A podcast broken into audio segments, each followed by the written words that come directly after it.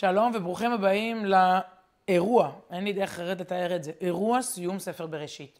אה, מי שעקב מהפרשה הראשונה בראשית, וכולנו טולטלנו בדיוק אז, שמחת תורה, מתחילים לקרוא את התורה מחדש, מההתחלה. מי שעקב שבוע אחרי שבוע קיבל פרשנות ממש לחדשות, ממש לאירועים. גם השבוע זה כך, ואנחנו מתוך כל התפילות והתקוות והדאגות, איש איש והלב שלו והמקום שלו ואיפה שהוא נמצא בעולם וגם בארץ, צופים בנו באמת, ברוך השם, גם, גם יש לנו פה אורחים מחו"ל. אנחנו עם הפרשה, בתקווה שהיא באמת תוכל לתת לנו יותר פשר ויותר משמעות. נתחיל בתודות, כרגיל, נפש יהודי, ארגון שבימים אלה רושם סטודנטים אה, לעוד שנה של פעילות. אני זוכה להרצות, להכיר את הארגון הזה כבר שנים, את הסניפים השונים ברחבי הארץ, את הפעילות, את, ה, את השפה.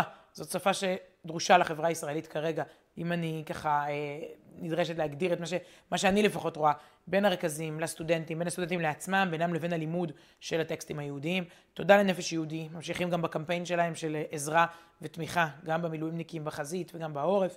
תודה לגרובייס הפקות, יהודה גרובייס, דיני גרובייס. שבלעדיהם, אני תמיד אומרת שהייתי מדברת לקיר פחות או יותר, אה, ובזכותם אנחנו מדברים גם ביוטיוב, גם בפייסבוק וגם בזום עכשיו איתכם, ותודה לפאסי קראוס על הדיגיטל ועל כל המעטפת הדיגיטלית של, של האירוע, ועכשיו תודה, תודה אה, על המסע, תודה לכל מי שהיה איתנו, ואני רוצה רגע להזכיר לעצמנו קודם כל את סדר הפרשות, איך, איך הגענו עד הלום, איך הגענו לפרשה האחרונה בתורה, פרשת ויחי, סוף ספר בראשית. התחלנו בראשית עם בריאת העולם, עברנו לנוח והמבול, המשכנו ללך לך, אברהם אבינו, היהודי הראשון, הולך לארץ ישראל, עומד בניסיונות, המשכנו לפרשת אה, וירא וחיי שרה, זה עקדת יצחק, זה הפטירה של אה, שרה, מערת המכפלה, יוצאים לחפש את הכלה ליצחק, את רבקה, שהיא מלאה בחסד שם, זוכרים, ליד הבאר, המשכנו לפרשת תולדות ולכל אה, הסיפור של הילדים שנולדים ליצחק ורבקה, יעקב ועשו, והמתח ביניהם, מי הבכור למי הבכורה, מי, מי, מי מוביל, איזו דרך מובילה.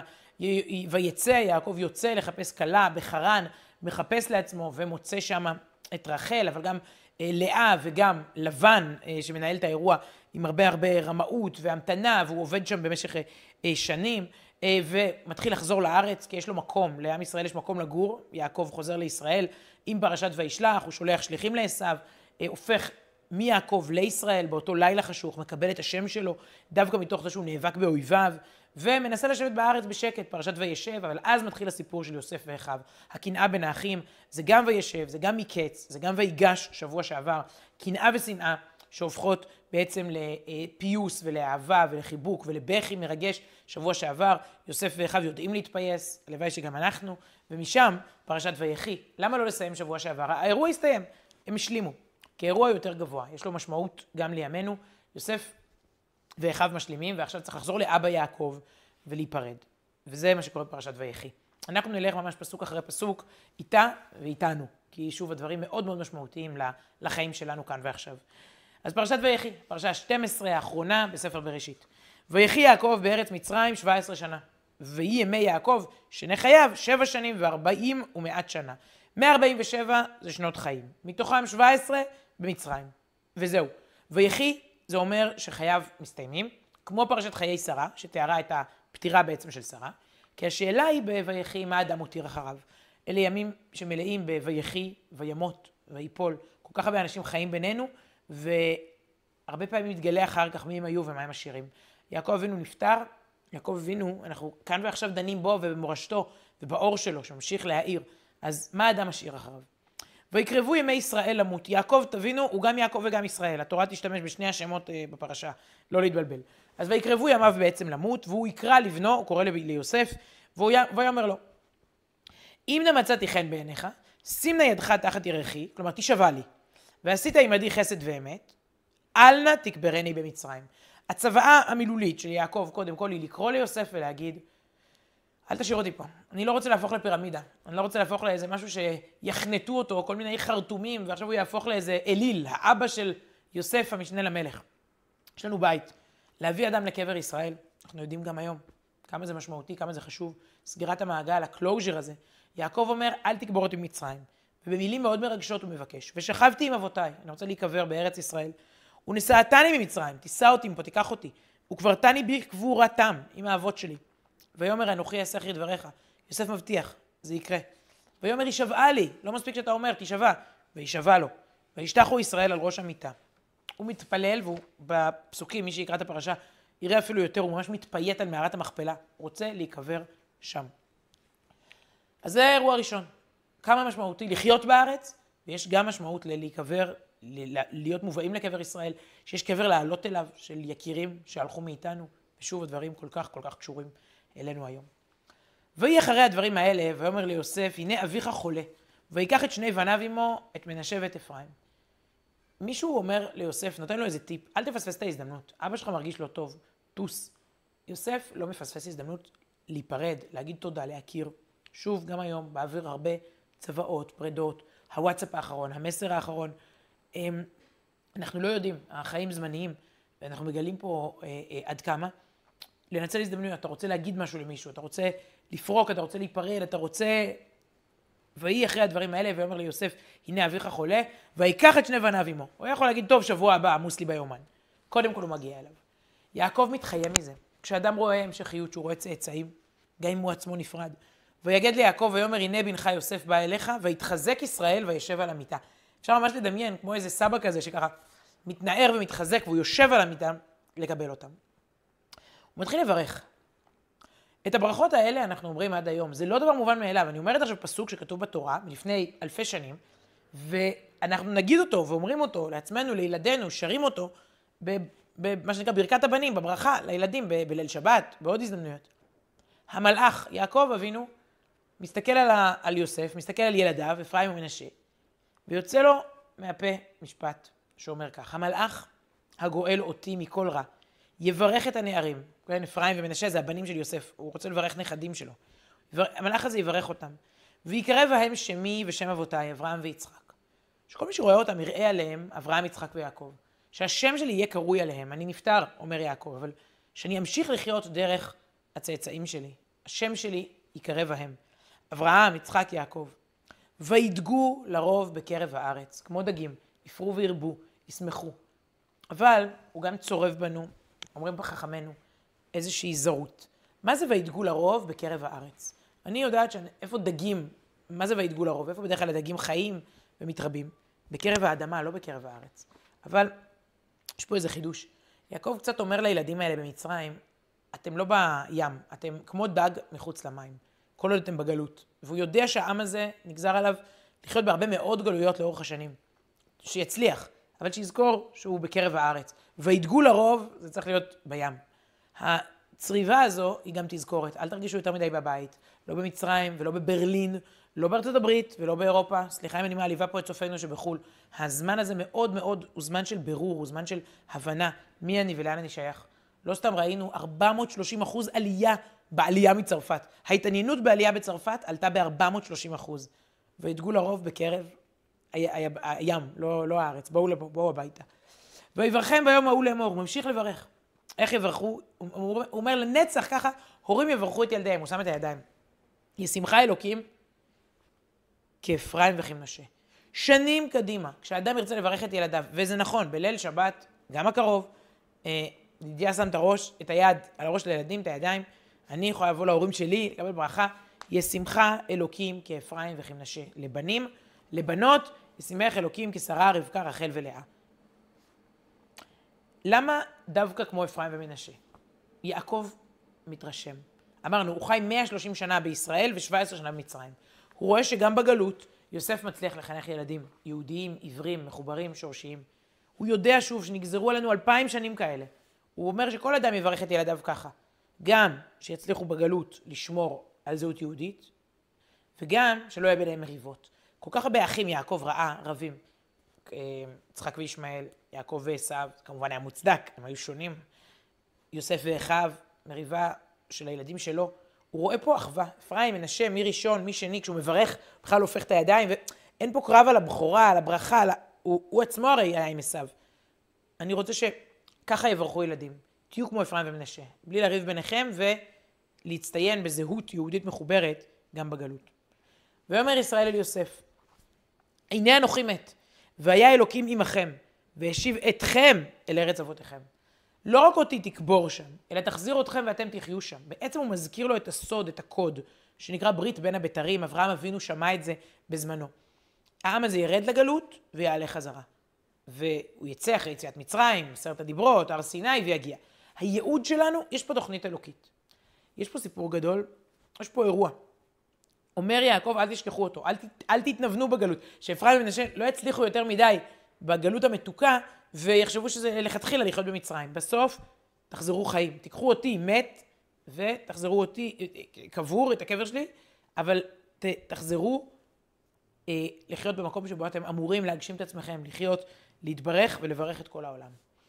זה לא, זה, יכולנו כאילו לסיים גם פה. בעצם הוא נפרד מיוסף, נפרד מאפרים מנשה, נתן ברכה, נתן צוואה, והזכיר לנו לעלות. אבל עכשיו מתחיל עוד מעמד. ויקרא יעקב אל בניו, כל 12 שבטים. בעצם, אני לא יודעת האם מאז מכירת יוסף היה דבר כזה, שהאבא עם כולם התאחדו ככה, אבל הוא קורא לכולם. ויקרא יעקב אל בניו ויאמר, האספו, ואגידה לכם את אשר יקרא אתכם באחרית הימים. בואו בנים, ואני רוצ, רוצה להגיד לכם מה הולך לקרות. בשלב הזה אומרים לנו חכמינו, יעקב תכנן לגלות יותר, ובסוף, מה שנקרא, נסתתמה הנבואה. אה, אה, הוא כאילו, הוא לא הורשה לספר את כל ההיסטוריה של כל העם היהודי. הוא כנראה תכנן להגיד לבנים שלו הכל. בסוף הוא הסתפק בדבר אדיר. יעקב אבינו עובר ילד ילד ומברך אותו. אה, כשיש לך 12 ילדים, גם כשיש לך שניים, אפילו כשיש לך אחד, אתה צריך להבין שהוא אינדיבידואל. הוא לא בדיוק אתה, הוא לא העתק הדבק, הוא לא החלומות שלך, הוא האישיות שלו. מצד שני, אמרנו הרגע, הוא חייב להמשיך את המורשת. הוא לא, אדם הוא לא אטום בודד בחלל, הוא מאות דורות לפניו ואחריו, אל תנתק את השרשרת, אל תהיה העלה האחרון בעץ. תמשיך. אז איך יעקב עושה פה, במלאכת, באמת, מחשבת חינוכית לדורות, מעמד שבו כל אחד מקבל את ברכתו.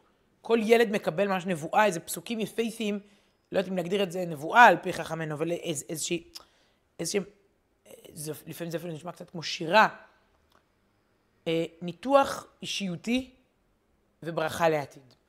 ראובן למשל בהתחלה, הוא מוכיח אותו. ראובן הוא פזיז, הוא נחפז מדי. ראובן בכורי אתה, כוחי וראשית אוני, יתר שאת ויתר עוז, פחז כמים אל תותר, הוא ממשיך, אנחנו לא נלך עכשיו אה, פנימה, אפשר ללמוד את הברכות האלה כל החיים, כי יש פה ממש שיעורים, איך להתנהג בכל מיני מידות, איך לתקן את המידות. אבל לצורך העניין, ראובן הבכור מקבל מה שנקרא גם תוכחה.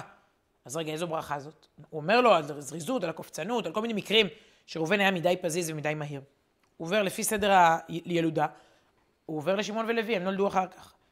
וגם עליהם הוא כועס. שמעון ולוי אחים, כלי חמאס אה, מכירותיהם, בסודם אל תבוא נפשי, בקהלם אל תחד כבודי, כי באפם הרגו איש וברצונם יקרו שור. ארור אפם כי אז, וכולי וכולי. אני אפיץ אותם, אני אחלק אותם בישראל. הם לא יחיו מרוכזים, אלא הם קצת יהיו מפוזרים. למה? בגלל אותו מעשה של דינה, שבו הם בעצם נקמו את הנקמה של אחותם, ויעקב נוזף בהם שזה היה נקמה אה, מוגזמת. אז רגע, אני לא מבינה. ראובן מדי פזיז. שמעון ולוי בעצם אומר להם, אני לא רוצה להיות כמוכם, זה, זה מבזה אותי. איזה מין, איזה מין מעמד פרידה זה? איזה מין ברכה זאת? אומרים חכמינו, כותב את זה הרב שלמה וולבה, מאוד, זה באמת מאוד עמוק. לפעמים הברכה הכי גדולה היא לקבל קצת איזה תוכחה, איזה שיעור מוסר, לדעת מי אתה באמת. יעקב מעביר אותם תהליך. הברכה הכי גדולה היא שיקוף שבו אומרים לך במה אתה צריך לשפר, מה הנקודה שלך, מה, מה האלמנט שלך. ופה הוא ממשיך בין הברכה השלישית, זה כבר הרביעי, היינו בראובן שמעון לוי, יהודה. יהודה קצת, אומרים חכמינו, קצת פחד, הלך אחורה, קצת חשש מאיזה ברכות הולכות פה. יהודה, אתה יודוך אחיך. והוא מברך אותו. ידך בעורף אויביך, השתחוו לך בני אמך, גור אריה יהודה, כן, מטרף בני עלית, קרא רבץ כאריה, אוכל אבים יקימנו, לא יסור שבט מיהודה, ומחוקק מבין רגליו, עד כי יבוא שילה, ולא יקהת עמים. שוב, אפשר ללמוד פה כל מילה, זאת עברית שלפעמים קשה מאוד ופיוטית, לפעמים פשוטה וברורה, כן? יהודה, מבורך. מלוכה, שלטון, רואים מה זה שבט יהודה. אומר פה יעקב בעצם שזאת סדנה שבה כל ילד יקבל את התמצית שלו, כי כשיש 12 אחים, 12 שבטים, כל אחד צריך להביא לשולחן, להביא לידי ביטוי את היופי שהוא יכול לתת. אי אפשר לדרוש מכולם אחידות, אפשר לדרוש אחדות, אי אפשר לדרוש אחידות, אי אפשר לדרוש שליחות דומה, איש איש ושליחותו. יש לוח שנקרא לוח היום-יום, זה מין ספר כזה בחב"ד. כתוב שם שאם אדם הוא נועד לעבוד בפנינים והוא אופה לחם, או אם אדם נועד לאפות לחם והוא עובד בפנינים, הוא מחטיא את ה... הוא לא ממצה את הפוטנציאל. אז זאת קריאה למיצוי הפוטנציאל האמיתי, האלוקי, שטמון בכל אחד. המסך הבא שנראה, השקף הבא, הוא עמוס בפסוקים. אני מביאה אותו רק לשם ההמחשה. מי שרוצה מוזמן להעמיק ולמצוא הרבה ברכה בתוך הברכות האלה. אני מבטיחה לכם שתלמדו אותם, תראו ברכה. כל אחד רואה מה נאמר לזבולון. זבולון יותר עושה ביזנס, עושה סחורה. יששכר יותר לומד תורה. עד היום יש דבר שנקרא הסכם יששכר וזבולון. בין שניים, שאחד בעצם הוא יותר בעסקים והוא מפרנס את השני שיותר לומד תורה.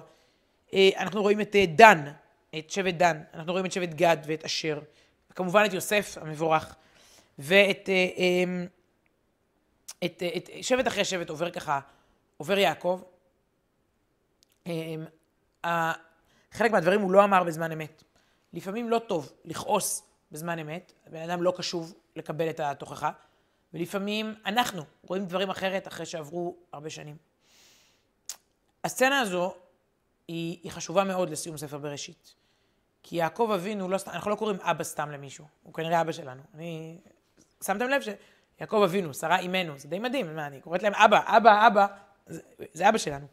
הוא נותן לנו פה ברכה שאומרת, כולם צריכים להישאר סביב מיטתו של יעקב. חז"ל אומרים שמיטתו שלמה, כל ילדיו איתו, ממשיכים בדרך. כל ילדיו הם גאווה למורשת יעקב.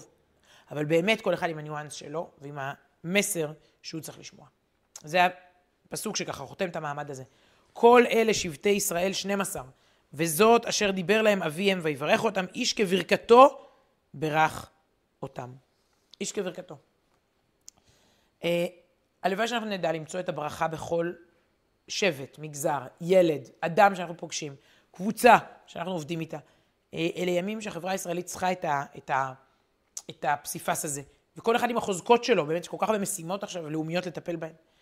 יעקב לא שוכח. זוכרים את מה שהוא ביקש מיוסף לבד? זה מאוד מאוד קריטי, זה מאוד חשוב. תראו, הוא מבקש עכשיו אותו דבר מכולם ביחד.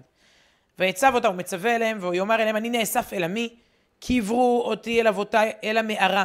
יש פה עכשיו התרפקות על מערת המכפלה.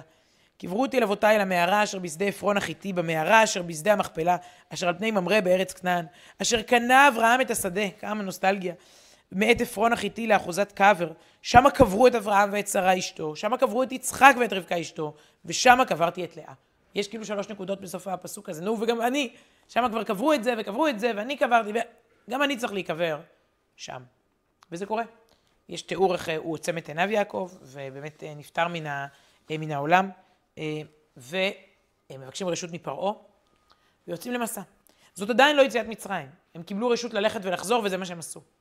ויעל יוסף לקבור את אביו. רק דמיינו את ההליכה, לא 40 שנה במדבר, אלא זה היה מסע לא, מבחינת נ"צ, מצרים, חברון, מערת המכפלה, חזור. ויעל יוסף לקבור את אביו, ויעלו איתו כל עבדי פרעה זקני ביתו, וכל זקני ארץ מצרים. יש שם מעמד שלם של פרידה, של הספדים, של אבל. אומרים שיוסף בדרך עבר דרך הבור. הבור הוא באזור דותן. שיוסף עבר וראה איפה מכרו אותו, גם לעשות סגירת מעגל. יוסף חוזר לארץ ישראל, אחרי כל כך 22 שנה, כמה יותר אפילו. תחשבו מה זה בשבילו. פעם אחרונה חטפו אותו משם, אפרופו. גנבו אותו, מכרו אותו מעבר לגבול. והנה הוא חוזר לארץ ישראל כמנצח, משנה למלך מצרים, אבל גם חוזר לקבור את אבא, וגם חוזר, ועדיין חוזר לגלות במצרים. יש לנו עוד הרבה גלות לעבור, לפני שהם באמת יוכלו לחזור לארץ. ופה מגיע, וזה רגע, דיברנו עליו קצת גם בשבוע שעבר, האישיות של יוסף וכמה אנחנו יכולים ללמוד ממנה. האם כל תפקידנו עכשיו זה רק לחפש אשמים ורק להתמקד בעבר, או לחפש את הלא אשמים, את החזקים, את המנצחים, ולהתמקד בהווה ולהתמקד בעתיד. יוסף מלמד אותנו שיעור בפרשנות של המציאות. האחים שלו מאוד מפחדים אחרי שיעקב נפטר. מתברר שהם חשבו כל הזמן שזה על תנאי. כל עוד יעקב חי, יוסף לא ינקום. ויראו אחרי יוסף כי מת אביהם ויאמרו, לו יסתמנו יוסף, והשב ישיב לנו את כל הרעה אשר גמלנו אותו. אחים של יוסף אומרים, עכשיו הוא ינקום בנו, לו הוא ישנא אותנו, הוא יסתום אותנו, והוא יחזיר לנו. מגיע לנו. הם עדיין יודעים שמגיע להם, הרי הם מכרו אותו למצרים, ומשם הוא יתגלגל לכל הבעיות. ואז הם אומרים לו, האם יעקב, יוסף, האם זה באמת נאמר על ידי יעקב? תקשיבו. ויצוו אל יוסף לאמור, אביך ציווה לפני מותו לאמור, זה אבא שלך, כן? כי כה תאמרו ליוסף, אנא שנא פשע, פשע אחיך וחטאתם, כי רעה גמלוך, ואתה שנא לפשע עבדי אלוקי אביך. כי הם כולנו, אלוקים, עזוב, תמחק. אבא אמר שתשלח, שתסלח לנו, שתשכח את זה. אינני יודעת, ואולי לא ישבתי מספיק לראות מה אומרים המפרשים. יעקב אמר את זה, מה, מה המשמעות של זה? אני רק יודעת מה התגובה של יוסף. תראו. ויב כי יוסף בדברם אליו. יוסף בוכה הרבה. אנחנו בתקופה של הרבה דמעות, אנחנו בתקופה של הרבה עשייה. יוסף הוא מודל בהקשר הזה. הוא לא מפסיק לבכות. אפשר לראות לאורך הפרשות האלה, הוא פה בוכה ומחבק, פה הוא מחבק ובוכה. גם אנחנו מחבקים הרבה, בוכים הרבה, אבל מתוך זה הוא פועל כל הזמן במציאות, מתמודד עם הרעב, מתמודד עם שנאת אחים, מפרש את הדברים לטובה. בכי לא סותר עשייה, מותר לבכות, צריך לבכות לימים של בכי, לגיטימי לגמרי. יוסף, בכיין, אם מותר להגיד ככה, אבל יוסף הוא גם עשיין, הוא גם עושה, בלי סוף. זה לא סותר, מותר ליפול, העיקר שקמים יותר ממה שנופלים. אמרה פעם אה, טלי ורסנו אייסמן מפיקוד העורף, שתי בנות הלכו לחוג בלט, שתי אמהות הלכו איתן, שתי אמהות מסתכלות, ואימא אחת אומרת לאימא, הבת שלך זה זאת שכל הזמן נופלת? אומרת האימא השנייה, לא, לא, הבת שלי זו זאת שכל הזמן קמה. זאת אותה בת כמובן. שנדע לבכות ונדע לקום מזה. שנלמד מיוסף את הסוד של הבכי. אם הוא לא היה בוכה, אם הוא היה שומר הכל בפנים, איפה היינו? להוציא את הרגשות, לשחרר, לאוורר, ולפעול ולתקן את העולם ולהיות ברכה כמוהו. ויבק יוסף בדברם אליו.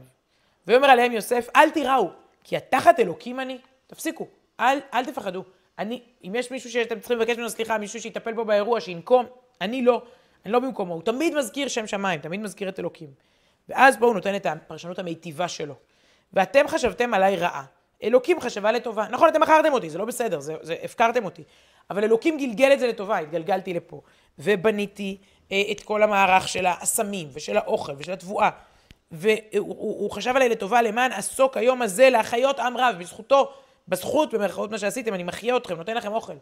ועתה אל תיראו, אנוכי אכלכל אתכם ואטפכם, זה פסוק מדהים, וינחם אותם וידבר על ליבם. הוא מנחם אותם. הקורבן מנחם את ה... לצורך העניין, זה שחטא כנגדו. אבל אצל יוסף הראייה היא יותר גלובלית. חס וחלילה אין פה קריאה. אני זוכרת בשנים קודמות שאנשים שהיו נפגעי עבירה אמרו, מה, ככה אני צריך להתנהג לקורבן שלי? לא. זה חשבון אחר. וזה סיפור אחר, והם השבטים שמייצגים בכלל אומה, זה לא רק סיפור פרטי, יוסף מייצג פה משהו לאומי. ועדיין, שוב, אף אחד פה לא מצופה חלילה, ואם מישהו נפגע, אז יש משטרה, וצריך לפעול, וצריך להפסיק. זה לא, אוי, אני סובלת, אני אהיה כמו יוסף, פוגעים בי, חס וחלילה. אבל יוסף מוצא את הדרך לפ... זה כלפי משטרה ועבריין, אבל כלפי עצמי, ודאי שאני צריך להגיד שאני צומח מכל משבר. ודאי שכל נפילה צריכה להוביל לתקומה. הוא, הוא צריך להתנחם ולקום. ופה מגיע הסוף באמת, הסוף סופי מה שנקרא. ויאמר יוסף אל אחיו, אנוכי מת. זה לא רק פרשה של ויחי יעקב שהוא מת, זה גם פרשה שיוסף מת. ואלוקים, גם יוסף נפטר, ואלוקים, פקוד יפקוד אתכם, והעלה אתכם מן הארץ הזאת, אל הארץ אשר נשבע לאברהם, ליצחק וליעקב. וישבע יוסף את בני ישראל לאמור, פקוד יפקוד אלוקים אתכם, ועליתם את עצמותי מזה. וימת יוסף בן מאה ועשר שנים, ויחנתו אותו, ויישם בארון במצרים. מסיימים עם זה שיוסף אומר פה שני דברים. אותי גם תקברו בארץ ישראל, הארון של יוסף, קבר יוסף, זה עוד הולך ללוות את העם באמת, שהם יצאו ממצרים, הם לא ישכחו את זה. אבל הוא גם מזכיר להם את הפקוד יפקוד. אני תמיד, כשאומרים פקוד יפקוד, תמיד מדמיין את אה, קוד של כספת. פקוד יפקוד, זה הקוד הסודי. אלוקים עוד יעשה את הקוד הסודי ויוציא אתכם ממצרים, מהכספת הזאת הנעולה והרעה, לארץ ישראל. זה יקרה. תשמרו תקווה, תשמרו אמונה, אל תתייאשו, יש פה סיפור גדול. מאוד מאוד חשוב הצוואה הזאת של יוסף. אמ, וגם חשוב לזכור שאנחנו תמיד תמיד חלק מסיפור גדול. לא, לא כל דבר הוא קץ העולם, לא שום דבר הוא הסוף של העולם. אני רוצה בהקשר הזה להראות לכם וידאו, זכיתי לראיין בימים אלה את הרב ישראל מאיר לאו, ניצול שואה, שהפך לרב ראשי, לנואם בינלאומי. אומר לי הרב לאו, אה, צילמנו את זה בשביל הארגון האמריקאי עמודים. אומר לי הרב לאו, תפסיקו לדבר על מה שקורה עכשיו בתור שואה. ובעצם אומר לי הרב לאו פרספקטיבה היסטורית, לראות את הדברים במבט גדול יותר. כשבאנו לכאן והתחלנו לצלם, אמרה לי דיני גרובייס, יו, אני זוכרת ששמתי לך פעם את המיקרופון, רואים את המיקרופון הזה? זוכרת ששמתי לך אותו פעם ולא נשמתי בקורונה. הייתה באה עם מסכה והייתה משתדלת לא לנשום, לא להדביק אותי, לא להידבק ממני. רק לפני כמה שנים פחדנו לנשום. עכשיו הפוך, כולם מתחבקים, ויש צרות אחרות, יהיה מי שיגיד קשות יותר. אני לא מזלזלת לא במשבר הקורונה ולא חלילה מה שקורה כרגע, השם ישמור. אבל בא הרב לאו, באה התורה ואומרת, פרופורציה, פרספקטיבה, סיפור גדול עם עליות וירידות. הנה הדברים של הרב ישראל מאיר לאו, שמתחנן כניצול שואה. אל תקראו לזה שואה. אני מאוד מאוד מתקומם נגד כל הניסיון להשוות את מה שקרה או קורה היום איתנו לשואה. לא היה לנו לאן ללכת. לא הייתה לנו מדינה. היום כשמדברים ואומרים לנו, עוד פעם שואה מזכיר שואה, תעזוב אותי עם המילה שואה. המילה שואה זה דבר שהיה ייחודי, אני מאוד מאמין, רוצה לקוות כמו שלא היה לפני זה, לא יהיה לעולם דבר כמו שואה. פה קערה, דבר קשה מאוד, נוראי, משבר איום. זאת מלחמה על הזכות שלנו לחזור הביתה לארץ ישראל ולהקים פה את המדינה היהודית שזכתה להכרה של העולם בשעתו וכאן יש מלחמה בלתי פוסקת של גופים או עמים שלא השלימו עם העובדה שגם לנו מגיעה מדינה משלנו עם עצמאות, עם ריבונות, מדינת ישראל. הרב לאו, עם פרספקטיבה היסטורית, נותן לנו פרספקטיבה היסטורית למאורעות כעת. אנחנו מסיימים, כרגיל, עם התפילות של כולנו, עם הדאגה לכל היקירים בכל החזיתות, לנפש ולגוף. מסיימים שוב בתודה, נפש יהודי, פאסי קראוס, רובע ספקות, ותודה לכם על המסע הזה, תודה לקדוש ברוך הוא, על המסע הזה ועל המסע של הפרשות, של מקור להשראה. נסיים בשלוש מילים שאומרים, כשגומרים לקרוא חומש, מסיימים לקרוא ספר בתורה, ואנחנו עכשיו מסיימים את ספר בראשית, אומרים חזק חזק ונתחזק. הילדים שלי פעם היו אומרים חזק חזק ונתחבק, גם זה נכון היום. חזק חזק ונתחזק. כמה המילים האלה נכונות, שנזכה לחזק חזק וגם להתחזק. תודה גדולה, בשורות טובות ולהתראות בהמשך.